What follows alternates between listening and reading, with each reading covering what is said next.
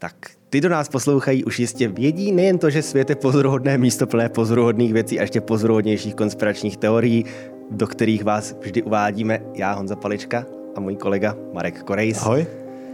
Není to konspirační teorie, je to čirá realita, že poslední díl byl utnut tak trochu uprostřed, protože jsme to natočili moc dlouhý, takže tady pro vás máme slibovanou druhou část. Pohodlně se uvelepte, vemte si na sebe něco teplého, navzdory tomu, že venku je vedro, ale my se přesuneme na Antarktidu, tam je zima. A pak se ještě přesuneme Do Česka. do Česka, respektive do Československa a podíváme se na české nacistické okultisty. Příjemnou zábavu. Vrhneme se na Agartu, mm-hmm. což je... Uh, budeme muset věnovat uh, tady jeden díl teorii ploché země, Flat Earthers, protože to je zásadní konspirační teorie. To je strašný. Ale nacisté měli ještě lepší teorii. Měli totiž teorii duté země, kde uvnitř země Jak je, cí lidé, taková země. je druhá, ano, vlastně druhá dutá země, kde je říše Agarta. Jsou tam teda také mraky, uprostřed země místo jádra je prostě druhé vnitřní slunce. Tady, tady, je, doko, tady je dokonce šambala. No tak vidíš, našli jsme jí.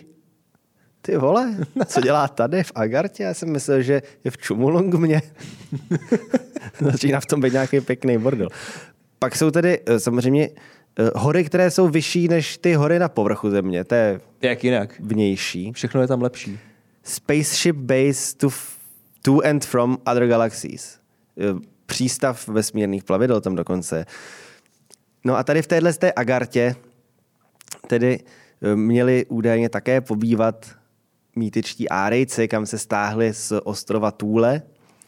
A právě tuto Agartu, protože přišli na to, že teda ostrov Tule byl sice na severu, ale kdo nebo na sever zároveň už pak chvíli jde na jih, To je teorie podkovy, jenom trochu jinak. to je Cimrmanovská verze teorie podkrovy, tak se nacisté vypravili po Tibetu také na Antarktidu, na jižní pól, kde šli hledat vstup do Agarty a své ztracené árijské předky.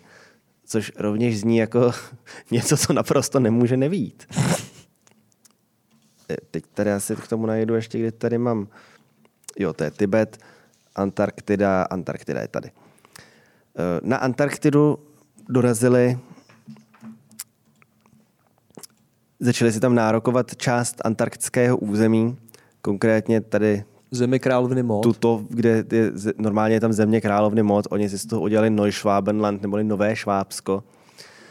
A začali tam tak nějak uh, bádat, hledat vchod do podzemní říše.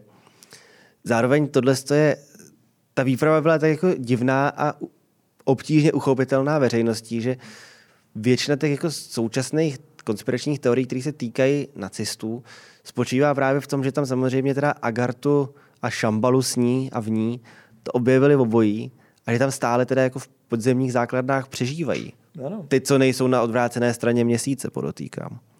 Je jak, nás mají obklíčený úplně, zjišťujem, že jo? Tady je dokonce fotka nacistů na Antarktidě. Vypadají, že se dobře baví a mají sebou bubínek, aby mohli asi odbubnovávat Šambalu. mandalu a šambalu. E, nicméně, já jsem, ono k tomu není moc co říct, jo. akorát teda přežívá to, že tam mají být nacistické základny, k čemuž nám ještě něco řekneš ty, Marku. Máš tam dokonce i dokument. Ale je to, dopadne to, jsem už předesílal, dopadne to velmi podobně jako expedice do Tibetu. Opět eh, Himmler jako výpravčí této fascinující výpravy si byl vědom toho, že asi mu úplně jako neprojde hledat, hledat Agartu. A tady to bylo dokonce jako, že to ani nebyla zástěrka, že ona to totiž jako, ta mise původně spočívala v tom, že tam jeli zjišťovat možnosti dobývání velrybího tuku. Protože jim začal docházet živočišný tuk, vzhledem k tomu, že válka jako postupovala a živočišného tuku jak se jako přestalo být. Co nám dali a, velry- nacisti? a velrybí tuk museli pervitin. A margarín, takže dvě hrůzy. Jo. Přesně, no, tak. Ale zase jako, když si dáš hodně margarínu, tak z toho nemáš hezký tři večery po sobě. Podle mě na záchodě. Na záchodě určitě. Tak vidíš. Tak, pak vidím. To, to, by, to, by, to je... Nemůžeme nikoho k ničemu nabádat, protože to je šíření toxikomanie, zvlášť na straně toho margarínu, ale přesně teda jako experiment. Pokud někdo nás posloucháte v nějaké svobodnější zemi, než je Česká Nám republika, řekněte, jestli je zkuste horší- si dát experiment pervitin versus margarin. A podělte se s námi o výsledek a nejdřív se asi poděláte Napište potom nám to do margarinu. komentářů. Řekněte nám, co si o tom myslíte a, a hlavně sdílejte. Sdílejte. No, takže jeli, protože tak nejdřív teda už je napadlo, že budou získávat ten tuk z velryb, které ale, které ale neměli a museli je kupovat od norů. Pak přestali mít i peníze na norské velryby, tak si řekli, že si prostě najdou své vlastní ve svém novém Švábsku. A zároveň tam možná krom velryby, kterou teda našli. Stejně jako, stejně jako odolné obilí v Tibetu bylo, tak i velryba jako byla u Antarktidy, protože jako surprise, surprise žije tam. Hele, když bylo Zachraňte Viliho, to byla taky velryba, ne? To je kosatka. Kosatka, tak nic. To, to, je- Jestli by mě- velryba nemohla takhle proskočit z toho oceánu jako do té do země a oni šli za ní, že jo? A takhle objevili dutou zemi a šambalu. mohla. Je to pořád uvěřitelnější než třeba společnost Vril. A Maria Oršič a Haunebe. Tak. Tak. Takže to, to, to je tak. Uh, přesně to dopadlo. Našli velrybu, nenašli agartu, ale šli tam pro tuk, takže je dost možný, že v agartě žádný tuk není, takže by to bylo horší ještě. Tak. A co pak to tady máme pěkného? Jaká tohle, je, legitimacia. tohle je teda věc, která mě překvapila při rešerši úplně ze všeho nejvíc. Uh, tohle, prosím vás pěkně, jsem našel na Aukru. Uh, někdo to Prodává Někdo to prodal. sběratelský předmět. Je to sběratelský předmět. A je to průkazka, je to samozřejmě napsaný Švabachem, jak vidíte, která údajně je ze základny 211 Neue Berlin, tedy Nový Berlín, což je základna 211, která měla být právě V Neuschwabenlandu. v Neuschwabenlandu, ale vlastně směrem jako ke středu Antarktidy. Tak to se asi počítá s rozšiřováním Neuschwabenlandu v čase. To už je rozšířený dávno a e, podle teorie, ke který se doufám pak dostanu, tak vnitřek Antarktidy totiž není vůbec ledový a bílej. Vnitřek Antarktidy je zelený, plný pastvin a je tam teplo. Já myslím, že je zelený, že světelku a že z vnitřku z To Antarktidy je natřeli chodbu v jelem- chodbu jelemnici, nebo co to bylo. Jihlavský metro. Tohle je skutečně jako zelená pastvina uprostřed. No a tohle je údajně nějaká členská průkazka člověka z základny 211. Vidíte tam Ho- nějaký Horst, Horst Zimmer. Horst Fuchs, vyfocený ve svém přírodním habitatu. Vypadá to, že byl u Luftwaffe. A jo, samozřejmě. No a tahle ta průkazka, já k ní nic víc nevím, jenom, že tohle tu věc skutečně někdo prodal na Aukru. Eh, Mně se tam hrozně, mně se tam hrozně teda líbí, jenom se na to koukám, čtu si tam ten švabach, je tam kolonka Blutgruppe, neboli krevní skupina a v té je vyplněno blud. Krevní skupina krev. Je to snad lež? Asi no, ne. Jo, krev je krev. Krev není voda, jak jsme si řekli. Každopádně, typně si, za kolik se tohleto vydražilo na Aukru. Já nevím, aby to, to klidně, jako kdybych byl, kdybych byl opilej a zrovna to tam jako na mě vyskočilo, stálo to do dvou stovek, tak si to koupím. No, tak přidej, ale ne moc. 260. 355 korun, což vám říká asi všechno o tom, nakolik je to pravá věc. Je to jako asi dobrá sranda na nějakou party, kde Jako budete musím- mít musím půl hodiny čas tohle- vysvětlit, proč to máte. Škoda, že nám to uteklo, mohli jsme to koupit sem a přilepit to třeba psovi na hlavu místo Adolfa Hitlera. Jestli to někdo má, nebo by to byl ochoten reprodukovat a poslat nám to, tak to tady klidně můžeme dávat do takových těch exponátů do dalších Chápeš, dílů. že to, že to máš, spočívá v tom, že vezmeš ten obrázek a vytiskneš ho na tiskárně. Já to ale chci tak, aby to šlo zaklopit, bych to chtěl. No ale s těma destičkama pěknýma nacistickýma, že jo? Chápeš? Já to, Aby to bylo jako věrný. aby to bylo hezký. No. Tak, chceme to mít hezký. Tak, Tak, s tím slečit. jdeme teda na ty americké expedice teďka. No, nevím, jestli tam nějaký máš. Já Ne, nemám. nemáš. No obrázky nemám, já budu jenom Ty, mluvit. on nemá obrázky. Tak, tak tady necháme legitimaci za 350 korun Tu a necháme, nech. a necháme Marka mluvit. A necháte Marka mluvit. Takže, eh, v roce 45, jak víme, Skončila válka, skončili na cestě, prohráli. Teda někteří možná údajně neskončili a jsou na Antarktidě a na měsíci a kdo ví kde, v dutý zemi. A jede, ale zmizelo mnoho nacistů. O jejichž osudech někdy víme, někdy tušíme a někdy nevíme nic. A jeden z těch, a že jich bylo skutečně hodně, o kterých nevíme nic, byl i Hans Kammler, který se narodil v roce 1904 eh, 1901. A Hans Kammler byl skutečný kvalitní vědec, který vedl například vývoj rakety V2, Říkám to dobře, V2? V2. V2, já něm, německy nic neumím. A vedl i vývoj těch experimentálních letounů na samém konci války, o kterých jsme se bavili, kdy stavěli na cestě stíhačky doslova ze dřeva. Stojí mimochodem i za šestimotorovým dvojplošníkem eh, Junkers 319, který v roce 1943, kdy byl skonstruován, měl dolet takřka 10 000 km, což není málo. Se schválně podívám, co to, To je Ju- skutečná Ju- věc. Juncker, kdože to je? Junkers 390. A mohl nést skoro 40 tun nákladu. S tímhle letounem podle nepotvrzených zdrojů nacisté experimentálně měli doletět tu do dnešního Africké republiky. O, to je masivní letoun. Ano, tu do Japonska, anebo dokonce i do New Yorku. Každopádně, eh, jenom pro kontext, v té době například Japonci už měli experimentální letadlo, který mělo mnohem větší dolet a se kterým reálně do Německa doletěli. Takže není to nic jako, že by to byla nějaká mimozemská technologie, to opravdu ne. Byla to sice pokročilá technologie, ale byla zcela souladu s dobovým vývojem. Eh, Každopádně, proč to letadlo zmi- zmiňuju? Toho letadla se vyrobily jenom dva kusy. Jeden z těch dvou kusů patřil Hansi Kamlerovi a ani Kamler, ani toto letadlo již po dubnu 45 nebyly nikdy spatřeni. Pokud víme, že to letadlo mělo dolet 10 000 km Tak mohl zhruba, odletět skoro kamkoliv. tak mohl odletět skoro kamkoliv. To je vše, co tím chci říct. Zbytek si, tohle to je opravdu jako reálná možnost. A konspirační teoretici to berou tak, že samozřejmě tohle byl jeden z uprchlých vědců. A letěl do Agarty. Třeba. Třeba letěl pak dovnitř do té zutý země Rovnou to vzal jako... se šupem, střemhlav. A teď ale musel... To, Narazil čelem do, do aby, ne, šambaly. aby, ne, aby nenarazil do šambaly, nebo aby neproletěl úplně do prostřed, nenarazil do vnitřního slunce, protože to by mu podle mě... Ale se kdyby letěl v noci možná, tak to třeba... Možná slunce zrovna spalo. Nebo nesvítilo. Každopádně bylo vypnutý. Uh, jak víme, byla operace Paperclip, kdy američani vlastně kooptovali několik stovek kvalitních uh, Naci- německých vědců vědců. ve službách nacistů. Ono to nedá, Werner ono, von se- Braun a ono se to- tomu nedá úplně moc říkat nacistické věci, protože to bylo podobně jak ty to piloti. vědci. Těm lidem většinou bylo jako úplně ukradený jako cokoliv s nějakou ideologií prostě dělali, Dělali to, vědu co jim nebo šlo. lítali s letadlem. No. Tak. Takže jeden z těch, který zmizeli, který nepracovali v Americe, zřejmě byl Hans Kamler, teda eh, podle jeho úspěchu evidentně jako geniální člověk.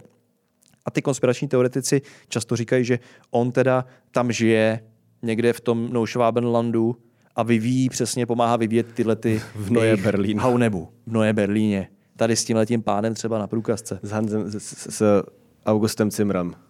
A uh, američani se údajně pokusili tyhle ty nacistické základny objevit a zneškodnit. A k tomu se váže jako první takzvaná operace High Jump, která reálně proběhla mezi lety 46 a 47 a kterou vedl admirál Richard E. Byrd. A Richard E. Byrd to byla legenda americké armády. Richard E. Byrd se už v 41 letech stal kontradmirálem, vůbec nejmladším v historii. Byl nositelem nespočtu vyznamenání za statečnost, já jsem si je původně vypsal, ale byl jich asi 25. To by, mělo, to dělat. to by tento dlou, již tak dlouhý podcast, který ještě zdaleka nekončí, byl ještě delší. Tři dny před Amundsenem přiletěl nad severním pólem a v roce 1929 přiletěl nad jižním pólem. V roce 1946 tak při přípravě té mise eh, vedení v USA nemělo úplně těžkou práci s hledáním ideálního lídra té mise. Byla to mise, která měla oficiální cíle stanoveny takto. Vycvičit personál pro jeho nasazení v chladných oblastech, za druhé, upevnit a rozšířit moc USA nad oblastí Antarktidy, za třetí, proskoumat možnost založení polárních základen a jejich teoretické umístění na Antarktidě. Za čtvrté, otestovat technologie pro založení a zprávu leteckých základen na ledovém podloží. A e, údajně to mělo být pro pozdější využití v Gronsku. A za páté, zmapovat geograficky tu oblast. Jenomže ta výprava měla celkem 13 lodí, z toho jednu letadlovou, asi 5000 mužů, Co to docela větší než výprava na cestu do Tibetu, která měla pět mužů. o 4995 přesně. Ano, děkuji, děkujeme za matematiku. Kromě Richarda E. Berda jí eh, veleli ještě muž s jménem Charles Bond a George Dufek, takže Jirka Dufek. A ta výprava byla vybavena moderními zbraněmi, dvě z lodí například byly torpédoborce, ve výpravě byly dva bojové hydroplány a kromě té letadlové lodi ještě třeba ponorka. To je na mírovou vědeckou výzkumnou misi docela, docela dost zbraní, Docela jako... což nahrává různým šuškandám. Podle svědectví zúčastněných, mezi které můžeme počítat třeba i deník admirála Birda, byly cíle mise úplně jiné ve skutečnosti. Za prvé tedy posílit územní nároky USA v této oblasti, čemuž bych i věřil, a dále objevit tajnou nacistickou nákladnu, která tam už od roku 39 mohla být, a zajistit co nejvíce létajících talířů, které tam američané najdou. Zní vám to trochu ujetě? Ano. No, protože to ujeté je a je to jenom konspirační teorie. Tak co víme ve skutečnosti? Americká výprava dorazila 15. ledna 1947 do zátoky Velryb a začala okamžitě budovat základnu Little America. Zhruba po 40 dnech však mise byla předčasně ukončena prý z důvodu zhoršujících se přírodních podmínek. Což tak jako se tam děje. V Prostě lednu. Jako je to Antarktida. Jako Antarktida v lednu podle mě nebude úplně jako dovolenková destinace. Zemřeli tam tři příslušníci námořnictva při havárii, eh, ještě předtím v prosinci 46 při havárii letadla George 1. Jejich těla nikdy nebyla přivezena domů, stejně jako těla těch, kteří zemřeli během následující operace, která se jmenovala Deep Freeze a která proběhla o dekádu později, 1955 až 56. Tehdy zemřelo 20 námořníků a 4 civilisté. Podle amerických údajů všechny tyto oběti byly důsledkem nehod. Ten Birdův deník, který jsem zmiňoval, je smyšlený. Údajné Birdovy zápisky jsou jen velmi špatnou kopií jedné dobrodružné knihy z 30. let. To, už je, to je podobný motiv, jako jsme měli, že jo, už, už dřív. V, v, v Vril je taky knížka. Jenomže admirál Byrd skutečně poskytl o průběhu té operace rozhovor, který byl 5. března 1947 otištěn v čilských novinách El Mercurio. A proč v čilských novinách? No to je logický, pejte se na mapu. Že oni se pak po tý, oni nejdřív přiletěli, že jo, někam k Patagonii a prostě kdo ví, kdo ví kam eh, z té Antarktidy a potom teprve cestovali dál. No. Do, do Ameriky, naopak do Ameriky, že jo. Eh, A teďka, problém je, že z tohohle článku, který byl otištěný teda ve španělštině, později vznikl anglický překlad, ze kterého vychází mnohý konspirační teoretici a ten překlad byl ale notně přibarven. Mm. Jak? Teď budu citovat. Admirál Richard E. Byrd dnes varoval, že Spojené státy by měly přijmout opatření na ochranu před možností invaze nepřátelských letadel z polárních oblastí. Admirál vysvětlil, že se nesnaží nikoho strašit, ale krutou realitou je, že v případě nové války by Spojené státy mohly být napadeny letadly letícími nad jedním nebo oběma póly. Toto prohlášení zaznělo v rámci rekapitulace jeho vlastních polárních zkušeností v exkluzivním rozhovoru pro International News Service. Když hovořil o nedávno skončené expedici, Byrd uvedl, že nejdůležitějším výsledkem jeho pozorování a objevu je potenciální dopad, který mají ve vztahu k bezpečnosti Spojených států. Fantastická rychlost, se jakou se svět zmenšuje, připomněl admirál, je jedním z nejdůležitějších poznatků, které během svého nedávného antarktického průzkumu získal. Musím své krajiny varovat, že skončila doba, kdy jsme se mohli uchýlit do své izolace a spolehat na jistotu, že vzdálenosti, oceány a póly jsou zárukou bezpečnosti. Konec citace. Hmm. A zatímco ta původní verze španělská mluvila v případě těch pólů o tom, že letouny mohou přicházet nebo přelétat nad oběma póly, tak ta přebarvená anglická verze tu větu upravila tak, aby to její vyznění znamenalo, že letouny mohou z jednoho pólu přelétat až na ten druhý. Což je jako něco úplně jiného, že jo? A to, to, to, to, je trošku něco jiného, než že můžou přeletět jeden nebo druhý. To by znamenalo jako naprosto bezkonkurenční technologickou vý- výhodu toho tajemného protivníka. Máš nějaký letající talíř, který prostě ti tady rotuje nad polama a prostě všechno sleduje a všechno ví. A ty nemáš jak na to reagovat. No a kdo by měl být tím protivníkem? Nacisti z Antarktidy. Antarktický nacisti, jak jinak. Konspirační teoretici Takzvaný zmrzlíci. totiž nepodloženě tvrdí, že na těchto létajících předmětech byly, co by označení svastiky. Prostě tam viděli. Takže nacistické létající talíře, které vylétají ze základen na jižním pólu. Konspirační teoretici o té operaci High Jump dál tvrdí, že byla utajená. No, jak, jak se to vezme?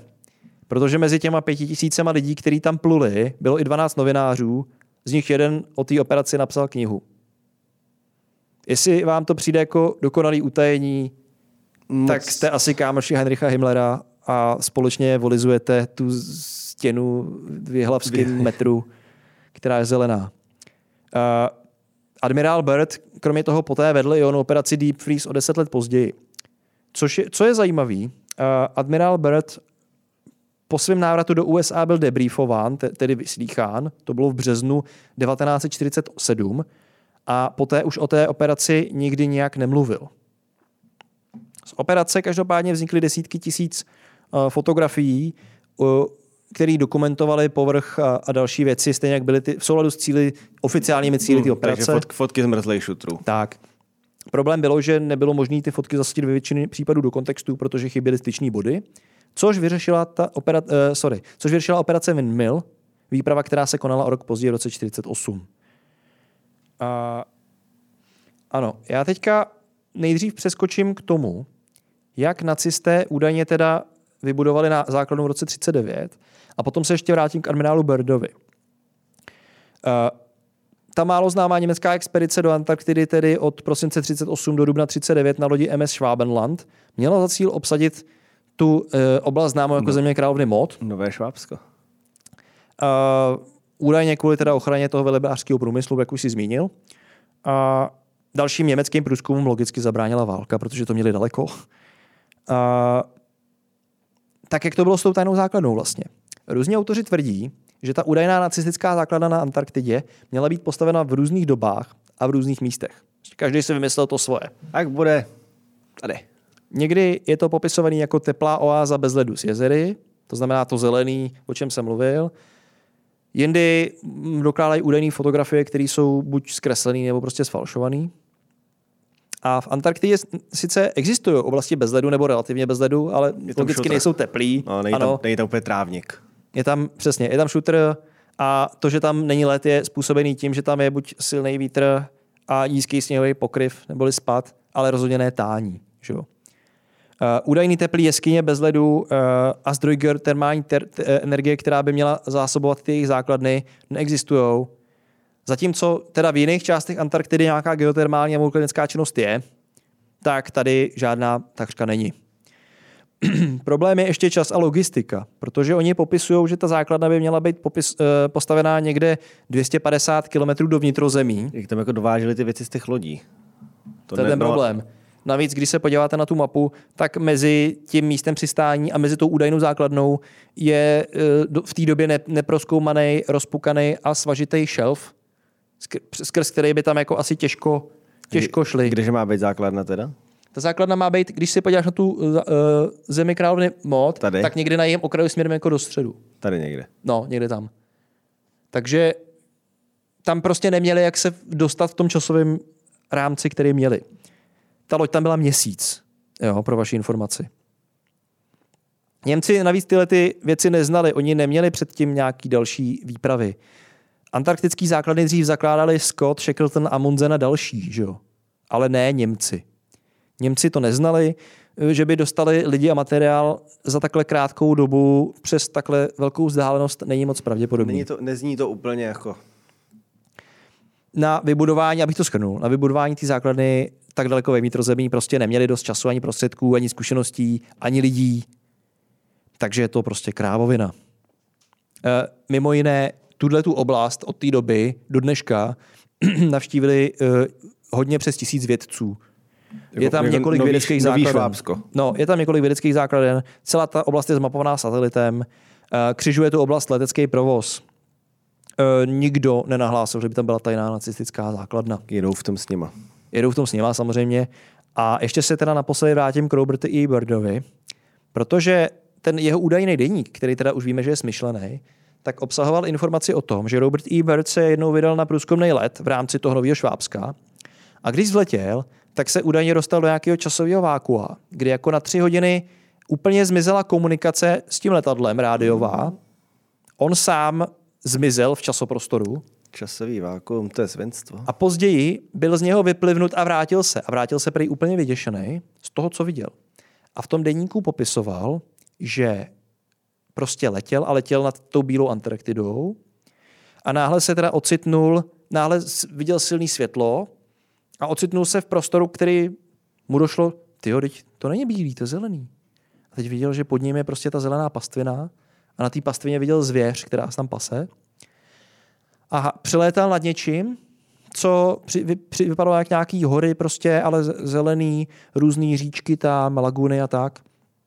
A taky viděl, že se k němu blíží nějaký letouny, který zase nebyl schopný identifikovat, vypadá jako letající talíře, který ho měli nejen začít doprovázet, ale měli ho i začít ujišťovat, že je v bezpečí a že se nemá bát, Telepaticky, s ním- telepaticky Ne, pochopitelně. ne, navázali s ním rádiovou komunikaci. Všechna ostatní mu vypadla, ale tahle zrovna fungovala. Jo.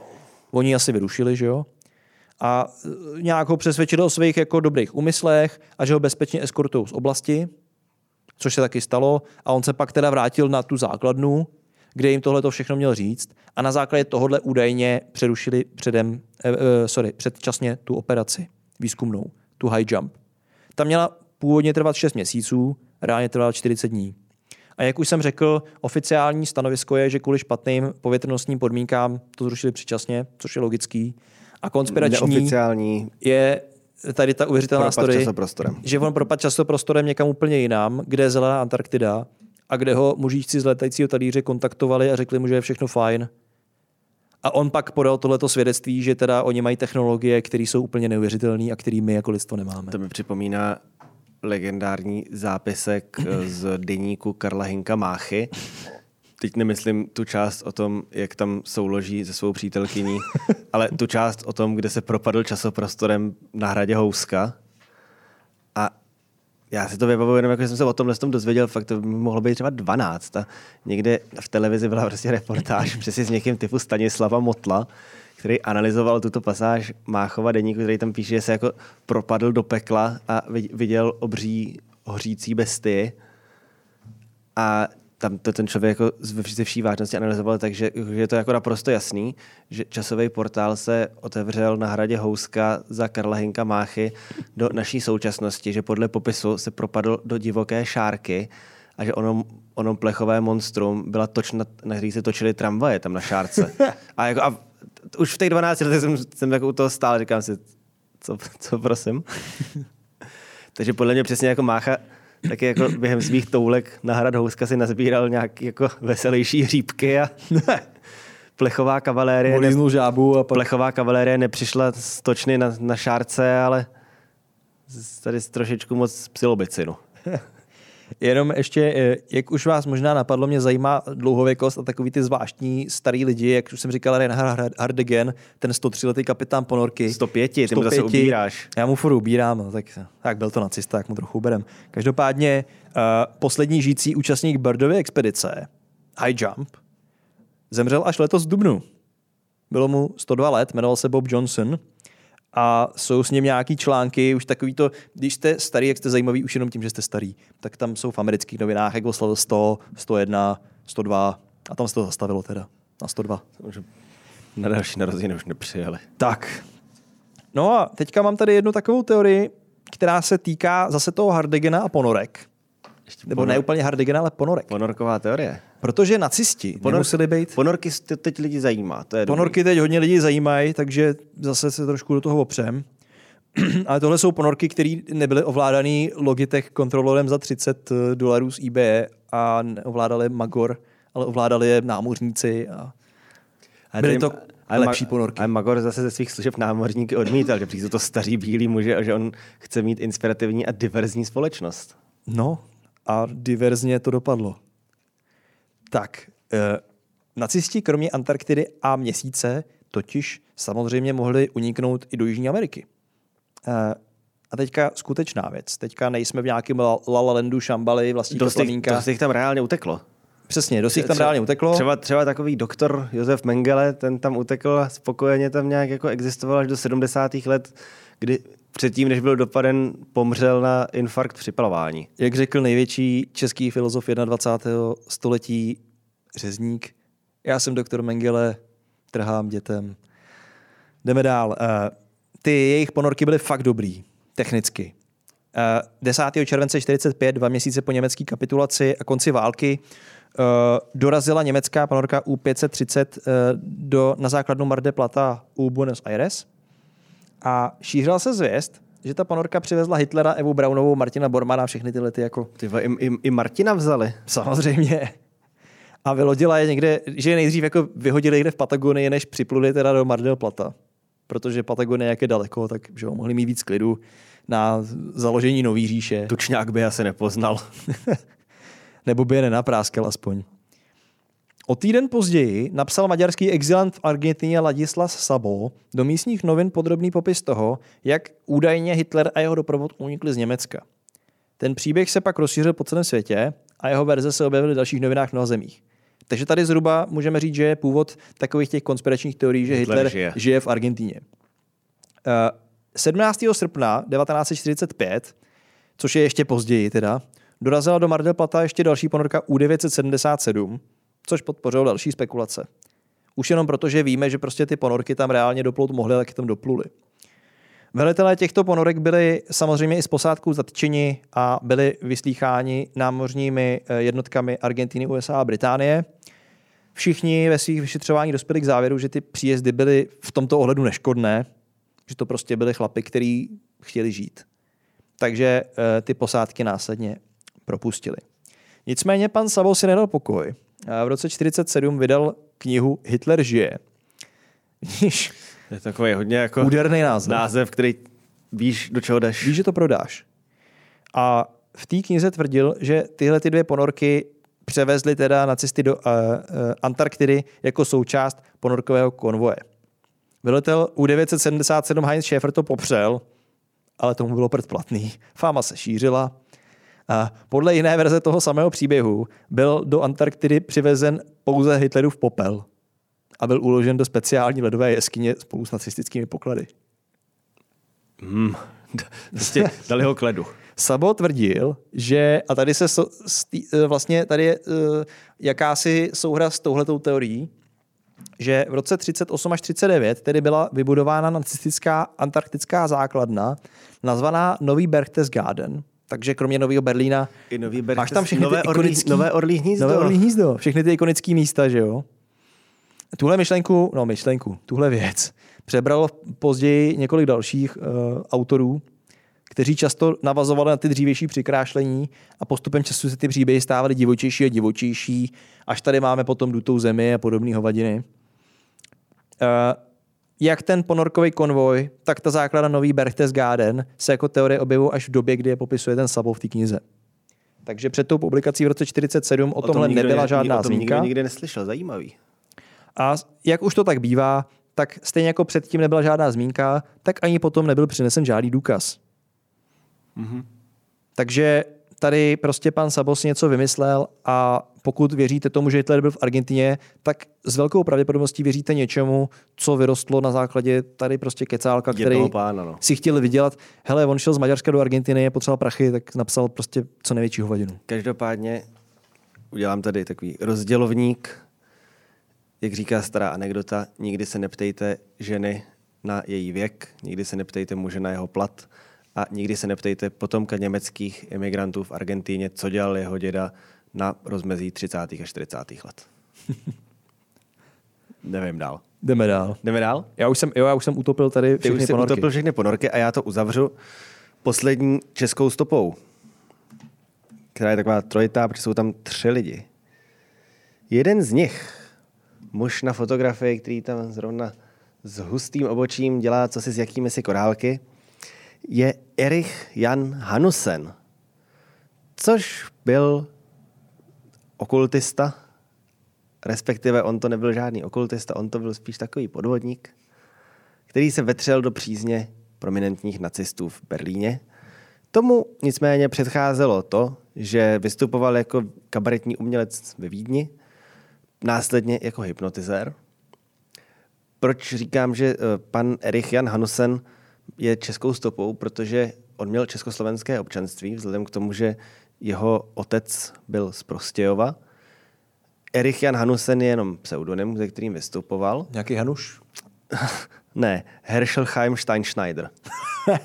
Byl to prostějovský žid, což tedy potom před svými novými kamarády jak si tajil, protože by se jim to asi nelíbilo. Uh, už během první světové války se začal tady Erich Jan Hanusen, neboli Herschelheim Steinschneider, věnovat věštění. Schweinsteiger. Věnoval se věštění, čímž si získal popularitu u své jednotky. Bohužel se ukázalo, že věštění, které spočívalo v tom, že lidem říkal nejen kdy jim přijde dopis, ale i to, co v tom dopisu bude, spočívalo v tom, že podplácel svého kolegu u polní pošty, který zaprvé dopisy pozdržoval a za druhé je otevíral a říkal Erichovi, co v těch dopisech je. Takže tak jako příkladu si vysloužil, že nemusel jít na frontu, když důstojníkovi řekl, že do tří dnů mu přijde dopis o tom, že se mu narodil zdravý syn. Ten dopis už byl dávno tam, tři dny tam zůstal, pak byl doručen a takhle Erich se stal věžcem. Česká stopa Ericha, neboli Heršla, je v Litoměřicích, kde v Litoměřicích ve 20. letech byl souzen za více než 40 různých podvodů. Jaký kámoš Harry Linka? Byl to trošku jako přesně, že obelhával nebohé lidi tím, že jim něco nakukal a pak se ukázalo, že skutek utek a že třeba jako věždba nevyšla. A zároveň, což je trošku bizarní, byl obviněn i z toho, že údajně měl hypnotizovat dívky, aby s ním souložili. A ve všech případech byl seznán nevinným, což tedy eh, jeho odpůrci překládali tomu, že zhypnotizoval i soudce předtím, než vynesl rozsudek. Jak jinak? Jak jinak. Eh, realita je nejspíš teda spíš taková, že z těch soudních spisů vyplývá to, že prostě soud jenom konstatoval, že soud tady není od toho, aby prokazoval, zda někdo je či není jasnovidec. A že pokud tedy jako uh, ty lidé věřili něčemu, jako, co, je, co bylo jasnovidectví, co bylo v té době zakázáno, tak to nejde jako brát ani jako za podvod, protože prostě jako je to jenom jejich vlastní hloupost, stejně jako u těch dívek, které jako soud eh, seznal, že prostě když s ním šli, jako, když s ním šli dobrovolně okouzlený jeho krásou, tak to nemůžou svádět na to, že byly zhypnotizované. Každopádně ač to dopadlo dobře, tak Erich se nám odstěhoval do Berlína, kde si změnil teda jméno na Ericha Jana Hanusena, k čemu ještě vymyslel historku o tom, že je potomek dánských šlechticů. Eh, reálně podklad toho jména je takový, že když byl v první světové válce, tak hrozně uznával jednoho ze svých velitelů, který se jmenoval Hanuš, mm-hmm. tak z toho udělal Hanus Sen. A v Berlíně eh, si už jako poměrně jako zasloužilý kabaretier a hypnotizér, který měl různý jako takový ty seance pro lidi, že si zaplatil a viděl si, jak čte myšlenky a podobně, předvídá budoucnost, tak si mohl dovolit například koupit jachtu, na kterou zval nacistické přátele na večírky, anebo dokonce v centru Berlína otevřel takzvaný palác okultismu, mm-hmm. což bylo místo, kde docházelo k různým seancím. Tady si můžeme podívat třeba na jednu z nich. Takhle vypadala seance. Erich Jan Hanusen uprostřed. A jak ta soukromá vystoupení, která uh, hodně jich projel na severu Čech v Sudetech, kolem Varnsdorfu, Děčína a podobně, kde byla u místních sudeckých Němců velmi populární, tak tam to fungovalo velmi obdobně tomu, jak fungoval na frontě v první světové válce. Spočilo to tak, že v publiku měl několik informátorů, kteří poslouchají, co se lidé říkali. Následně mu například v krabečce od Cirek kopou pod pódiem to napsaný a on si pak jenom vybral ty lidi, o kterých mu napsali, jako, že tahle zrovna říkala, že její teta bude mít narozeniny. Hmm, milostivá, já tady cítím narozeniny vaší matky. Ne, to není matka, to je teta. Oh, to je genius. A stejně tak si získal velmi dobrého informátora, aby mohl svými schopnostmi jasnovice a věžce obluzovat i prominentní nacisty, protože jedním z jeho přátel byl tehdejší velitel SA, Sturmabteilung, předtím než byli zakázáni, pro Berlín a Braniborsko, hrabě Wolf Heinrich von Heldorf, který krom tedy velení úderného oddílu byl taky vášnivý gambler, který se neustále zadlužoval. A protože uh, Hanusen v té době byl bohatý, tak mu půjčil 150 tisíc marek, které on opět progamblil a tím ho měl v hrsti. Takže mu, dodával, takže mu dodával informace. Jednoduše práskal na ty ostatní, co se jako v jejich životě událo a uděje, aby pak jako na seancích v domě okultismu mohl tady Hanusen předvádět. předvádět, jako co o nich všechno ví, jak jim čte myšlenky. A vy zrovna myslíte na večeři s vaší ženou. Nejdete tam pozítří? Jak to víte? A, a vy ještě teda, kdyby náhodou mu jako uh, jeho kolega, tady kamarád Heldorf, nedodal informaci, tak všechny pokoje pro hosty v domu okolo byly vybaveny odposlouchávacím zařízením. Takže, tak aby to měl jistý, jasný. Aby to měl jistý, takže prostě on si jako spočíval, jeho, jeho jasnovědectví spočíval v tom, že se prostě dostal k informacím dříve, než měl a pak to prezentoval. Tak. Každopádně uh, Hitler se ho velmi oblíbil, protože tím, jak to byl jako hypnotizera kabaretní umělec, tak měl dokonalou prezentaci a skutečně dokázal člověka uhranout. Takže uh, jim se i Hitler inspiroval při těch svých nácvicích, těch gest a podobně, protože to vlastně jako vycházelo přes jako z divadelního pojetí tady toho obluzování uh, Ericha Jana Já Hanusena. jsem myslel, že to vycházelo z Mussoliniho, ten měl jako živel, živelný projev, že jo? To taky, ale jako byla tam inspirace tímhle s tím a to bylo nehledě na to, že to tohle bylo jako ve 20. letech, že to je fakt jako, To Mussolini taky. jo, ale je to jako st- stará záležitost, takže princ inspiraci měl ho, měl ho jako oblíbence. Navzdory tomu, že Himmler Ericha Jana Hanusena nenáviděl, Protože Byl- byl hezčí. protože byl možná hezčí, tak uh, zjistil, že byl žid, uveřejnil to v nějakém nacistickém plátku a Hitlera to tak pobouřilo, že Himmlera donutil se Hitlerovu příteli Erichu Janu Hanusenovi omluvit. Dobrý. Takže asi jako eh, je možný, že mu nevadilo to, že kamarád byl žid, protože kamarád mu dal několik osobních věždeb o tom, že Německo povede nějaký nový spasitel, což možná budeš ty, Adolfe. Potom, když už z toho nešlo jako ven, tak eh, to bylo otevřeně jako, že vidí, že rok 1933 bude rokem Hitlera a rok 1933 byl bohužel taky rokem konce kariéry Ericha Jana Hanusena, protože přišel Hanusen s kryptickou věždbou, která říkala, že vůdce je nezastavitelný, ale zároveň ho čeká velká zkouška ohněm. Což řekl na v polovině února 1933 a 27. února došlo k požáru říšského sněmu, kde teď je tam několik verzí. Ta konspirační verze je taková, že sám Hitler se zděsil schopností svého přítele a nechal ho zlikvidovat, protože věděl příliš mnoho. Mm-hmm. Byl moc nebezpečný. Ta druhá je taková, že ho nejprve zatklo gestapo, aby ho propustilo a on potom zmizel. To se taky nestalo. Jaká je realita? Realita je taková, že samozřejmě záměr zapálit říjský sněmu neprozradil nikdo jiný než starý dobrý kamarád von Heldorf. takže, eh, takže pokud tam byl opravdu pokyn Hitlera, tak to byl jenom pokyn Hitlera k tomu, jako, že ten člověk ví o něčem, o čem se vědět nemá, protože jsme to přece měli svíst na komunisty. A tohle, tohle nám do toho úplně nesedí. A nejspíš doufal, že z ní teda dostane, kdo mu to řekl. A to, že zmizel, je pravda, protože on byl posledně viděn, když byl odvážen do věznice, což bylo koncem února, a až v Dubnu bylo jeho tělo nalezeno v tak zohaveném stavu, že ho identifikovali na základě nášivky od Krejčího, který řekl, komu toto sako šil. A navzdory tomu, že se změnilo v, během času se změnilo vedení Sturmabteilung pro Berlín a Braniborsko, tak uh, tady Hellerdorf z toho nebyl úplně tratný, protože když prohledávali uh, majetek tady Jana Ericha, tak zjistili, že jedna z věcí, co chybí, je směnka na 150 tisíc marek. Takže to byl tady jeden český mystik ve službách Třetí říše. Židovský mystik ve službách Židovský Třetí mystik ve službách Třetí říše. A Tím tady se jsem, si mi- vzal ještě, tady jsem si vzal ještě poslední fotku, která mě zaujala, protože tam provádí jakýsi rituál ze psem. Tak doufám, že psovi se nic nestalo. Mě celý příběh tady toho pána, řekni prostě ještě jednou jeho skutečný jméno. Jeho skutečné jméno bylo skutečné jméno bylo Herschelheim Steinschneider. To je skvělý. Každopádně připomněl mi příběh Helen Mayerový, kterou možná znáš. Jo, jo. Eh, To byla eh, německá sportovkyně židovského původu šermířka a ona v roce 35 pro svůj židovský původ byla z Německa vyhnána. Aby za Německo na olympijských hrách v Berlíně v roce 36 získala v šermu stříbrnou medaili. To je taky takový paradox. Jo, tak eh, tohle mě zaujalo, protože jsou to takový neobvyklý příběhy. A já bych to uzavřel příběhem amerických atomovek, který se Já tady mám týkají... ještě dva lidi. Aha, tak já dám americké atomovky a ty dáš Tedy pak dva atomo- lidi. Dobře, dej. Možná jste nikdy Ale mám neslyšeli... takový kratší. Jo, já taky. O operaci Argus, kdy američani To je to schodili... pivo z Lidlu.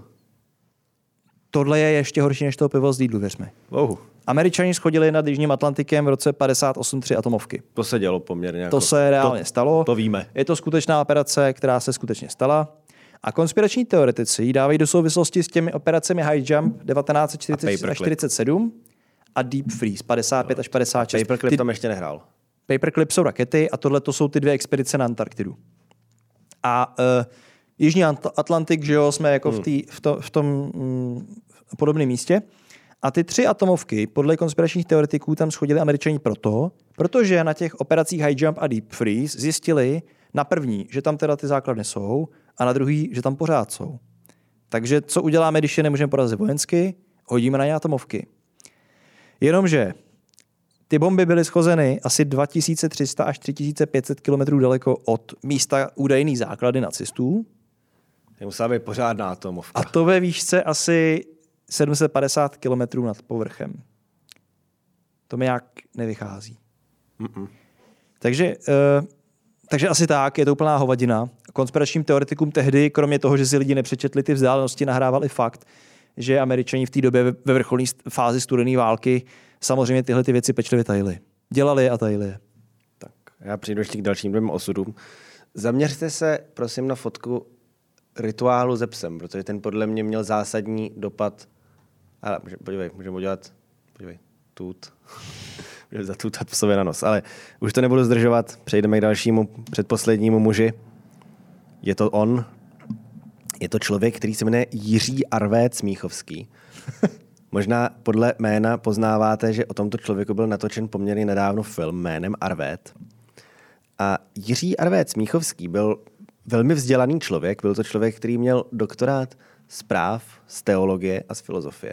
K tomu mluvil sedmi jazyky a velmi se zajímal právě o okultismus, dokonce i židovskou kabalu, což se dostáváme k drobnému rozporu, protože zároveň byl členem české obce fašistické.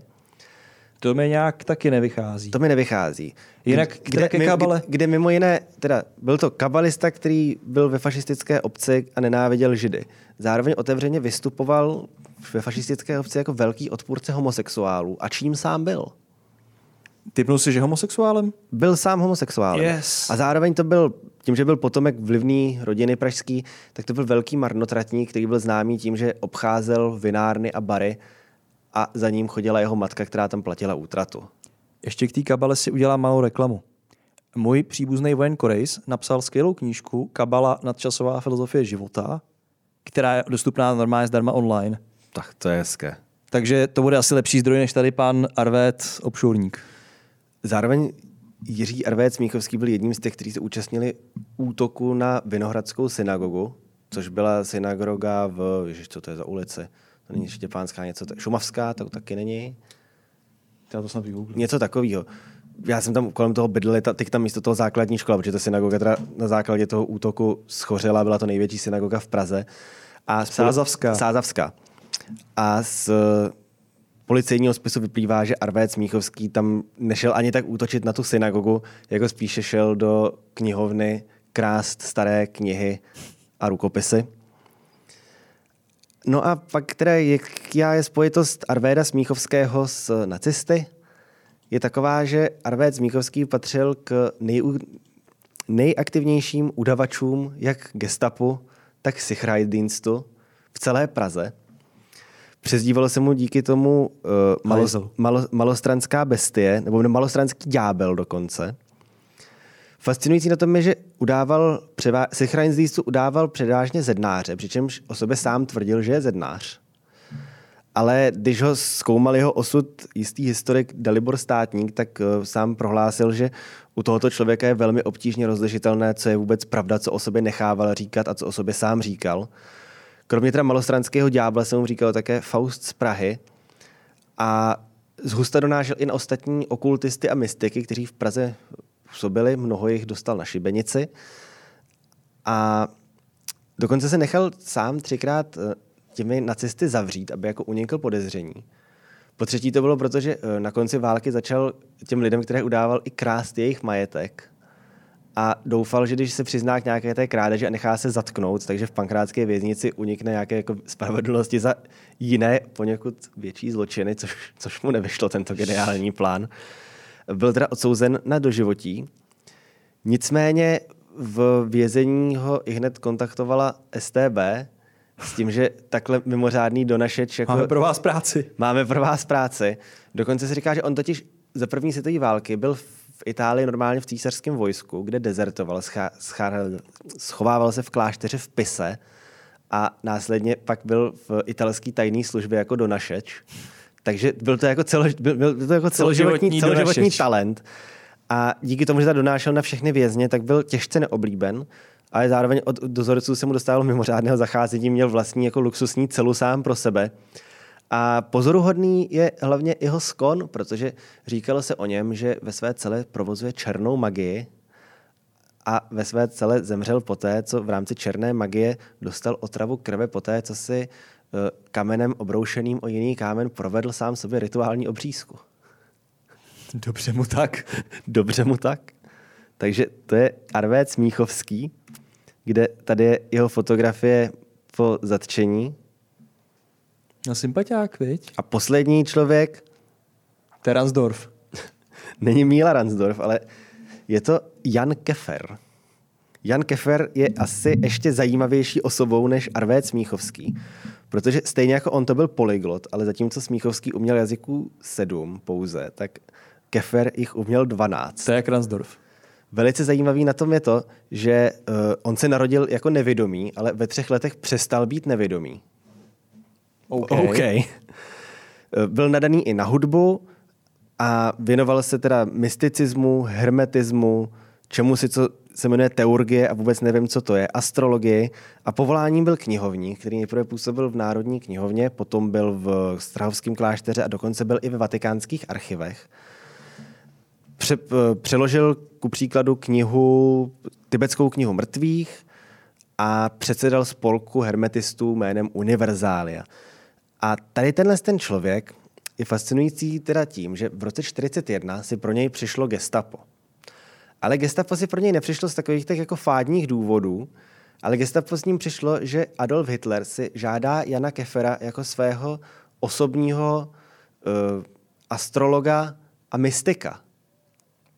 Což Kefer odmítal, protože Kefer nenáviděl uh, německou okupaci. Mm-hmm. Navzdory tomu, že mu nejdřív teda uh, nacisté ve vězení spíš činili jako nabídky na zbohatnutí a bylo to pro, ně jako, pro něj bylo jednoduché, protože jeho otec byl Němec, takže on mohl jako klidně přijmout říšský občanství Jo. a mohl být úplně v klidu a vysmátej.